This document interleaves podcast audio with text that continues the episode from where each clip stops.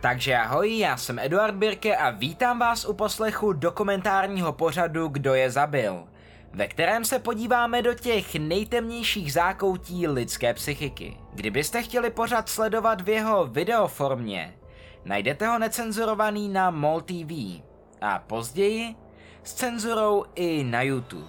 Teď už vám ale přeji příjemnou zábavu a jdeme na to.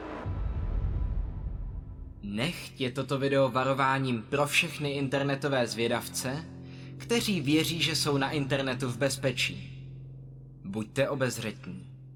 Dnes se totiž vydáme do samotných hlubin.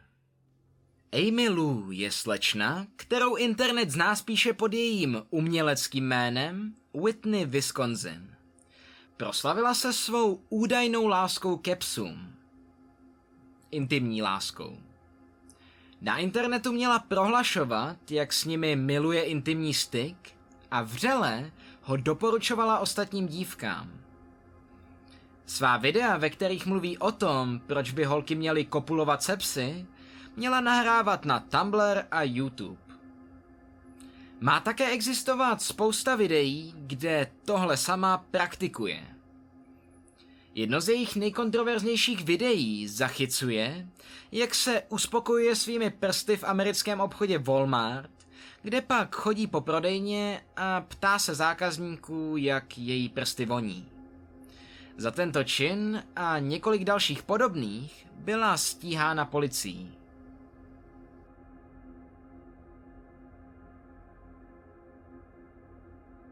Matias Ignacio Vera Ojarzo známý spíše pod svou online přezdívkou Peluchin Entertainment, je 18-letý bývalý čilský youtuber, známý hlavně ve španělsky mluvící komunitě YouTube. V polovině roku 2017 se na střední škole Le kde Matias studoval, začaly objevovat případy sexuálního obtěžování ze strany Matiase vůči jeho spolužákům.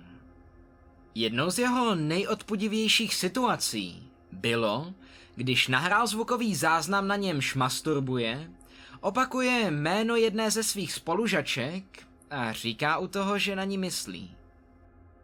Matias poslal zmíněné audio spolužákovi prostřednictvím aplikace WhatsApp a také ho požádal, aby ho poslal do školní skupiny. Matiasův kamarád audio neposlal skupině, ale několika dalším spolužákům a to se následně dominovým efektem dostalo až k uším poškozené. Kromě toho také sexuálně obtěžoval několik svých spolužáků a spolužaček tím, že se jich dotýkal na intimních místech. Nechvalně ale proslul videem, které se objevilo na internetu 19. prosince 2018. V něm Matias násilně týrá svého kocoura Jasona Krugera tím, že s ním hází, šlape po něm, kope do něj, tahá ho za ocas a opakovaně bije dřevěnou lžící. Kočka později na následky zranění, které jí Matias způsobil, zemřela. Na jiném videu zase ukázal, jak hodil jedním ze dvou koťat, která dostal po Jasonově smrti, do špinavé záchodové mísy. Tato videa vyvolala obrovské znechucení nejen ve španělské komunitě, ale i po celém světě. Mnoho uživatelů internetu tak volalo po jeho zatčení. Dne 29. září 2020 byl kanál Peluchin Entertainment ukončen kvůli porušení podmínek služby YouTube proti týrání zvířat. Podle posledních zdrojů se případ stále vyšetřuje.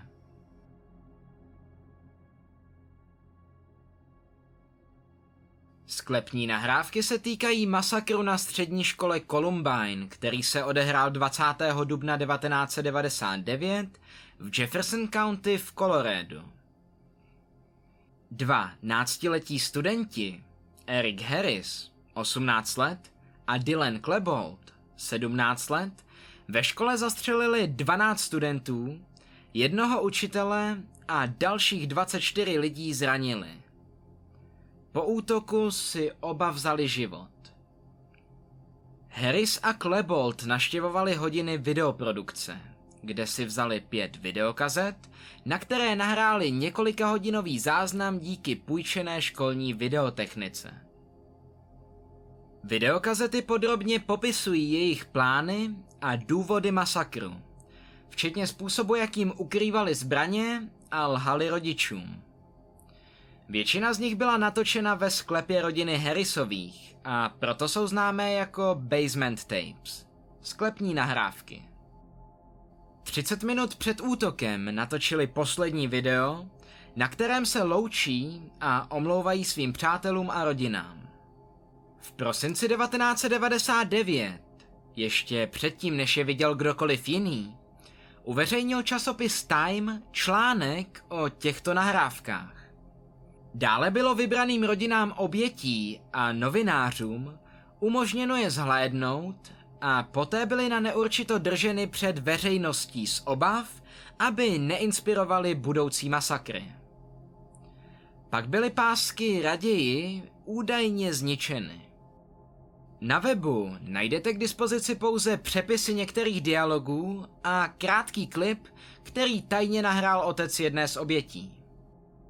Dvojce útočníků tvrdila, že se chystá pořídit kopie nahrávek, aby je poslala spravodajským stanicím, ale nikdy tak neučinila. I přesto, že byly pásky údajně zničeny, tak na internetu najdeme spoustu vláken a diskuzí, kde si jejich uživatelé přepisy mezi sebou sdílí a hodně z nich k útočníkům vzhlíží. Celá událost inspirovala více než 60 podobných útoků.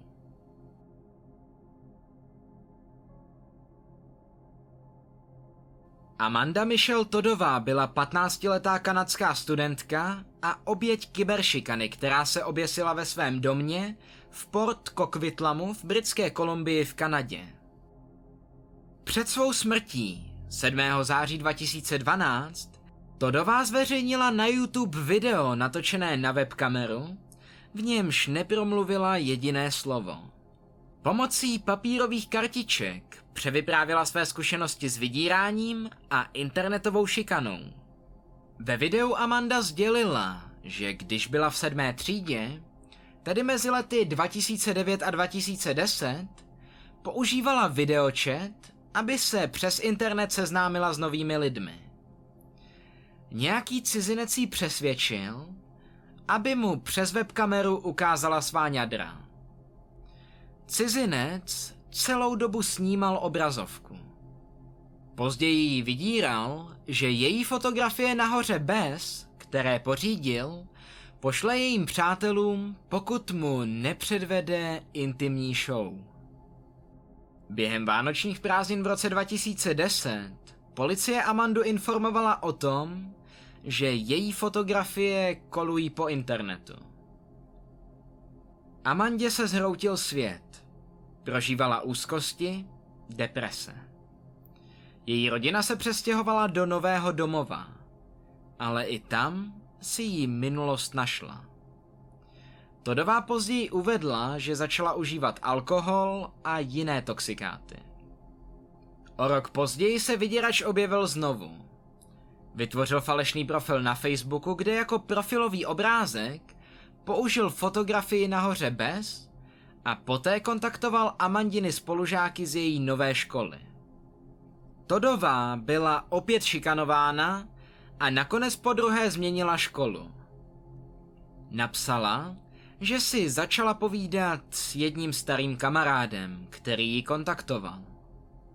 Pravděpodobně v něm hledala útěchu. Kamarád pozval Todovou k sobě domů.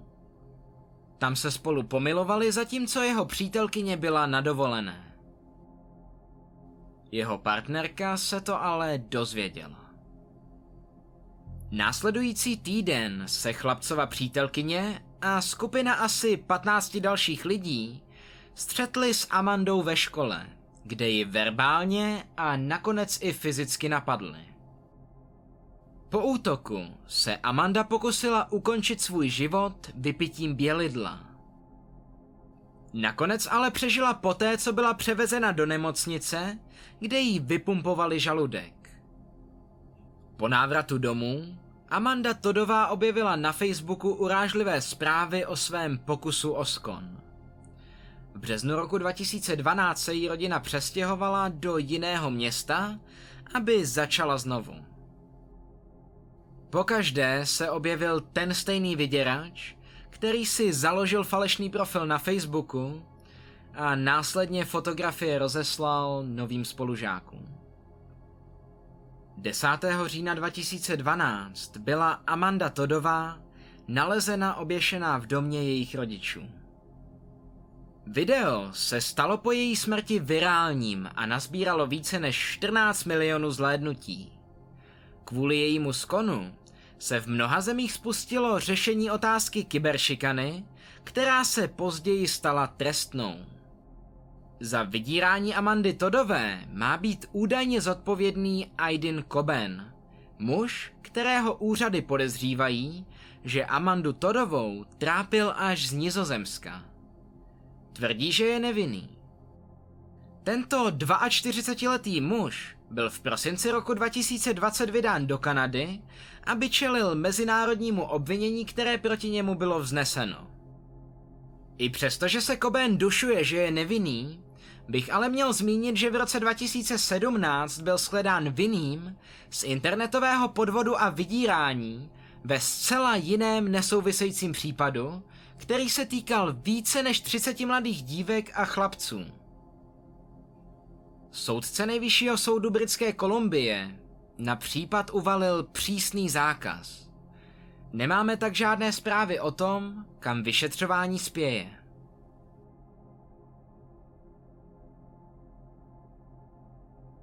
Rotten.com, tedy česky schnilý.com, byla webová stránka určená šokovat uživatele internetu, která byla aktivní v letech 1996 až 2012.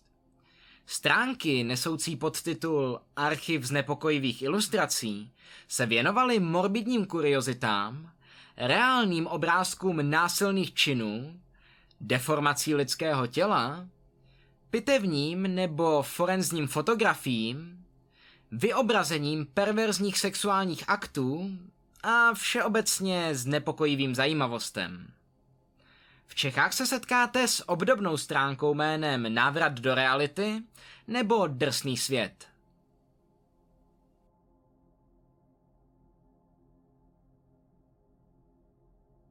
Crash fetish je parafilie, při níž je sexuální vzrušení spojeno s pozorováním předmětů, které někdo drtí svým chodidlem. Drcené předměty mohou být různé, od neživých, jako například jídlo, až po ty živé, při nichž jsou živočichové jako například hmyz, plži, červy, pavouci, ptáci nebo plazy, nebo dokonce drobní savci, zraňování a nebo dokonce usmrcování. V nejzávažnějších případech docházelo i k zabíjení psů, koček, prasat a opic. A proč vám to tady vlastně povídám? Motivací k těmto činům může být výroba videí, zaznamenávající tyto události. Ty se pak prodávají fetišistům na internetu, zejména těm, kteří považují tento druh obsahu za sexuálně uspokojivý. Těmto videím se říká crash film. No, a tyhle ty crash filmy jsou na internetu poměrně dobře dostupné. Výroba a distribuce filmů, kde hlavní roli hrají drcená zvířata, je ve většině zemích zakázána.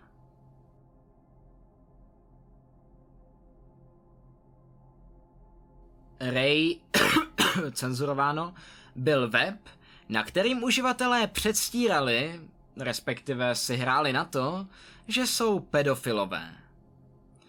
Přestože stránka byla původně zamýšlena jako parodie, tak obsahovala skutečnou dědoleskou pelargonii a vybízela nezletilé k obnažování. Poznámka. O tomhle tématu moc na YouTube nemůžu mluvit, tak proto to takhle komolím. Majitel tohodle webu byl Nathan Larson, který je sám pedofilem a věří v nadřazenost bílé rasy. Je také známý tím, že podporuje dekriminalizaci sexuálního zneužívání dětí a incestu. Stránky často měnily domény, aby nebyly zrušeny.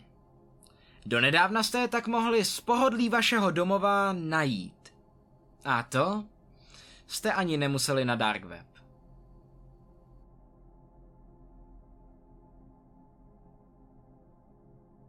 Na internetových platformách, jako je YouTube, Facebook nebo Instagram, se pravidelně objevují videa lidí, kteří zachraňují zvířata. Některá jsou pravdivá a jiná už tolik ne.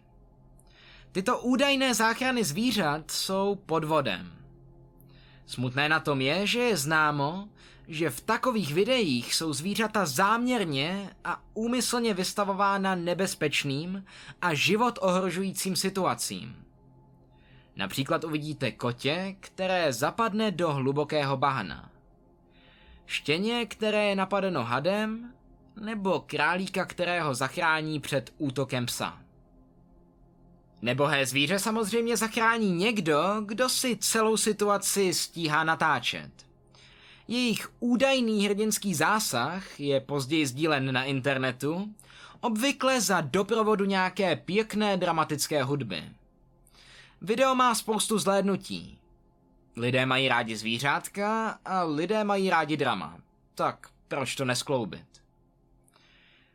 Většina diváků už ale neví, že scéna byla uměle vytvořena. Kotě bylo svým záchranářem položeno do hlubokého bahna. Štěně bylo záměrně vystaveno hadovi a králík psovi. A to prostě kvůli tomu, aby mohla být zvířata zachráněna. Tato lživá videa mají jediný cíl. Sledovanost, lajky a finanční dary. Situaci ještě zhoršuje to, že v některých případech jsou některá zvířata zraněna, aby vytvořili větší dojem, emoce a naléhavost. Díky tomu získáte více darů. Pro dotčená zvířata je tato situace ale spojena s velkým psychickým utrpením, fyzickou bolestí a v některých případech i dokonce jejich smrtí.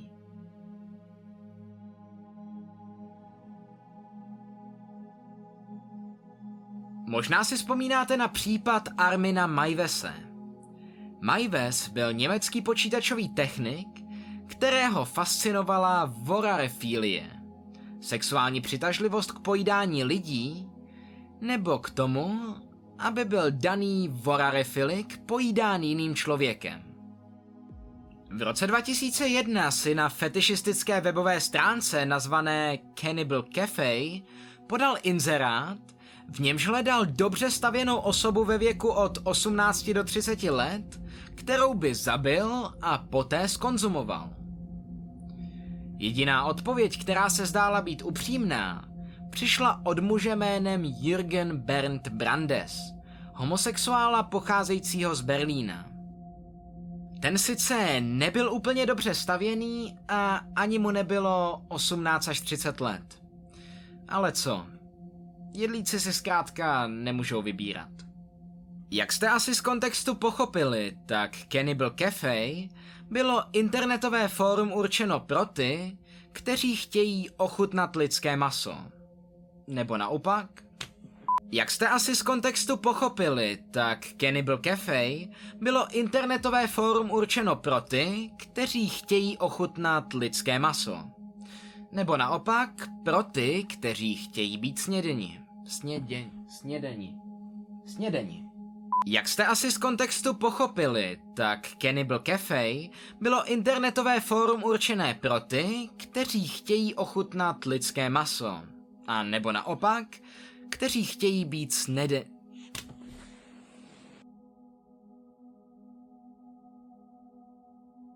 Jak jste asi z kontextu pochopili, tak Cannibal Cafe bylo internetové fórum určené pro ty, kteří chtějí ochutnat lidské maso. A nebo naopak, chtějí být snědeni. Bernd Brandes chtěl z tohoto světa úplně zmizet a nezanechat po sobě jedinou vzpomínku ani stopu. Vyčítal si svou neustále rostoucí potřebu sexu a trpěl pravděpodobně taktéž vorarefílí, sexuálního vzrušení z kanibalismu. Napsal závěť, vzal si v práci den volna a zmizel. Muži se setkali 9. března 2001 v Majvesově domě v německém Rotenburgu nad Fuldou.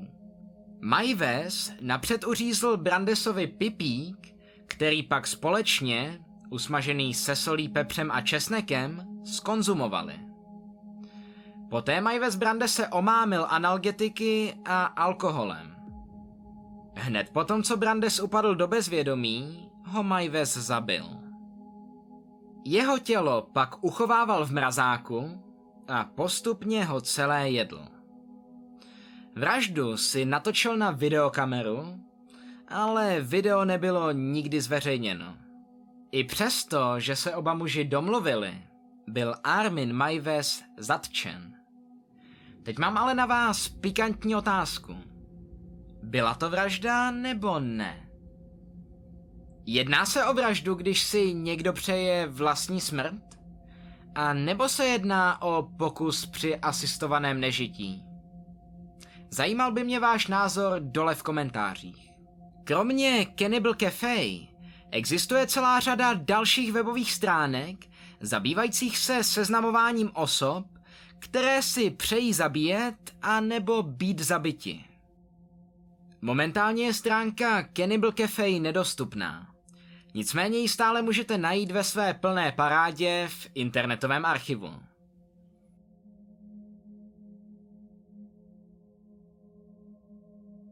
PinkMath byla webová stránka, kterou jste do roku 2014 mohli nalézt na dark webu, dokud ji FBI nezrušila. Navzdory svému názvu neměla stránka nic společného s drogami. Pink meth bychom totiž mohli přeložit jako růžový metamfetamin.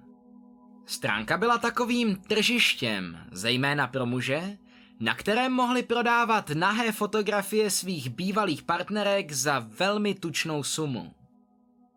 Pinkmev pak tyto fotografie zveřejňoval spolu se jmény žen, jejich adresami, telefonními čísly a dalšími informacemi, které se provozovatelům podařilo zjistit. Poté byla oběti doručena žádost o výkupné za obsah. Zaplaťte, aby byly fotografie odstraněny, a nebo nechte celý dark web získat přístup k vašim osobním údajům, včetně vašich nahých fotografií. Byť tato konkrétní stránka zmizela z povrchu zemského, tak existuje spousta jiných, podobných. A to i na běžném internetu. Dávejte si proto prosím pozor, komu takovéhle fotky posíláte.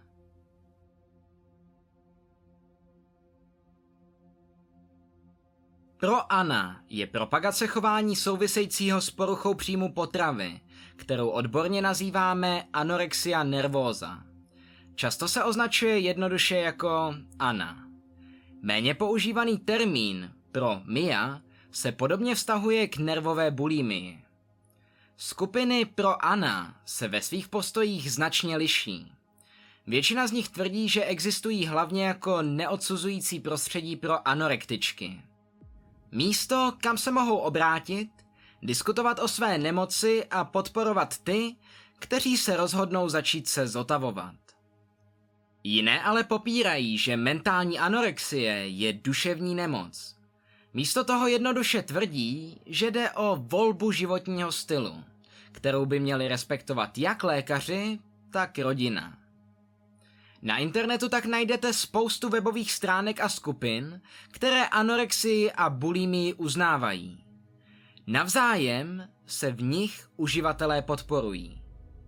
Kromě uzavřených internetových for, takovéhle skupiny existují v poslední době i na sociálních sítích, jako jsou Tumblr, LiveJournal nebo Facebook. Tyto skupiny jsou obvykle malé a jejich čtenáři jsou v drtivé většině ženy. Pro sociálně izolované anorektičky jsou tak často jediným dostupným prostředkem podpory. V těchto skupinách tak členové podporují anorexii anebo bulími jako žádoucí. Sdílejí techniky a recepty na rychlé diety, navzájem si radí v používání společensky přijatelných záminek pro odmítání jídla, soutěží mezi sebou v hubnutí, radí se, jak nejlépe vyvolat zvracení, jak používat projímadla a emetika, nebo si dávají rady, jak skrýt hubnutí před rodiči a lékaři.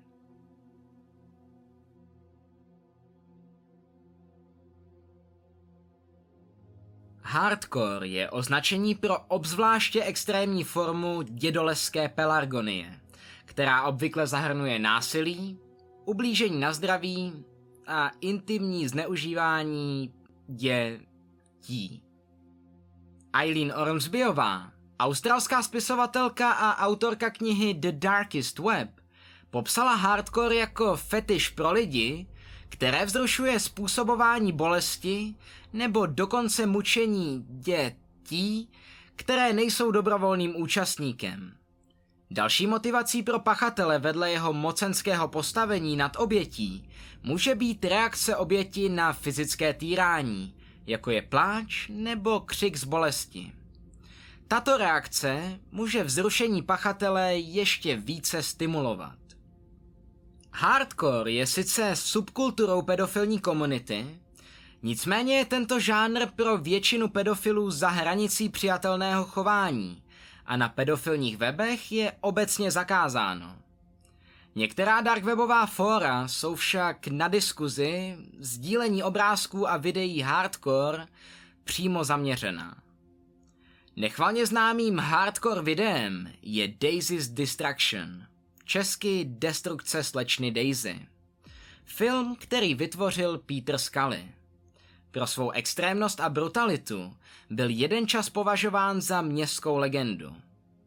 Film je ale skutečný. Objevilo se v něm mučení a brutální zneužití několika dětí, Skalim a jeho filipínskými komplici. Tři hlavní oběti byly Líza, 12 let, Cindy, 11 let a Daisy, 18 měsíců. Byl bych rád, aby toto video bylo pro vás varováním, abyste byli na sociálních sítích obezřetní a dávali si pozor, co sdílíte, anebo které stránky naštěvujete. A to je z dnešního dílu vše. Děkuji vám, že jste ho doposlouchali až do konce. Nezapomeňte, že se taky můžeme vidět i na MOL TV a nebo YouTube. Těším se na vás příště. Díky moc a dobrou noc.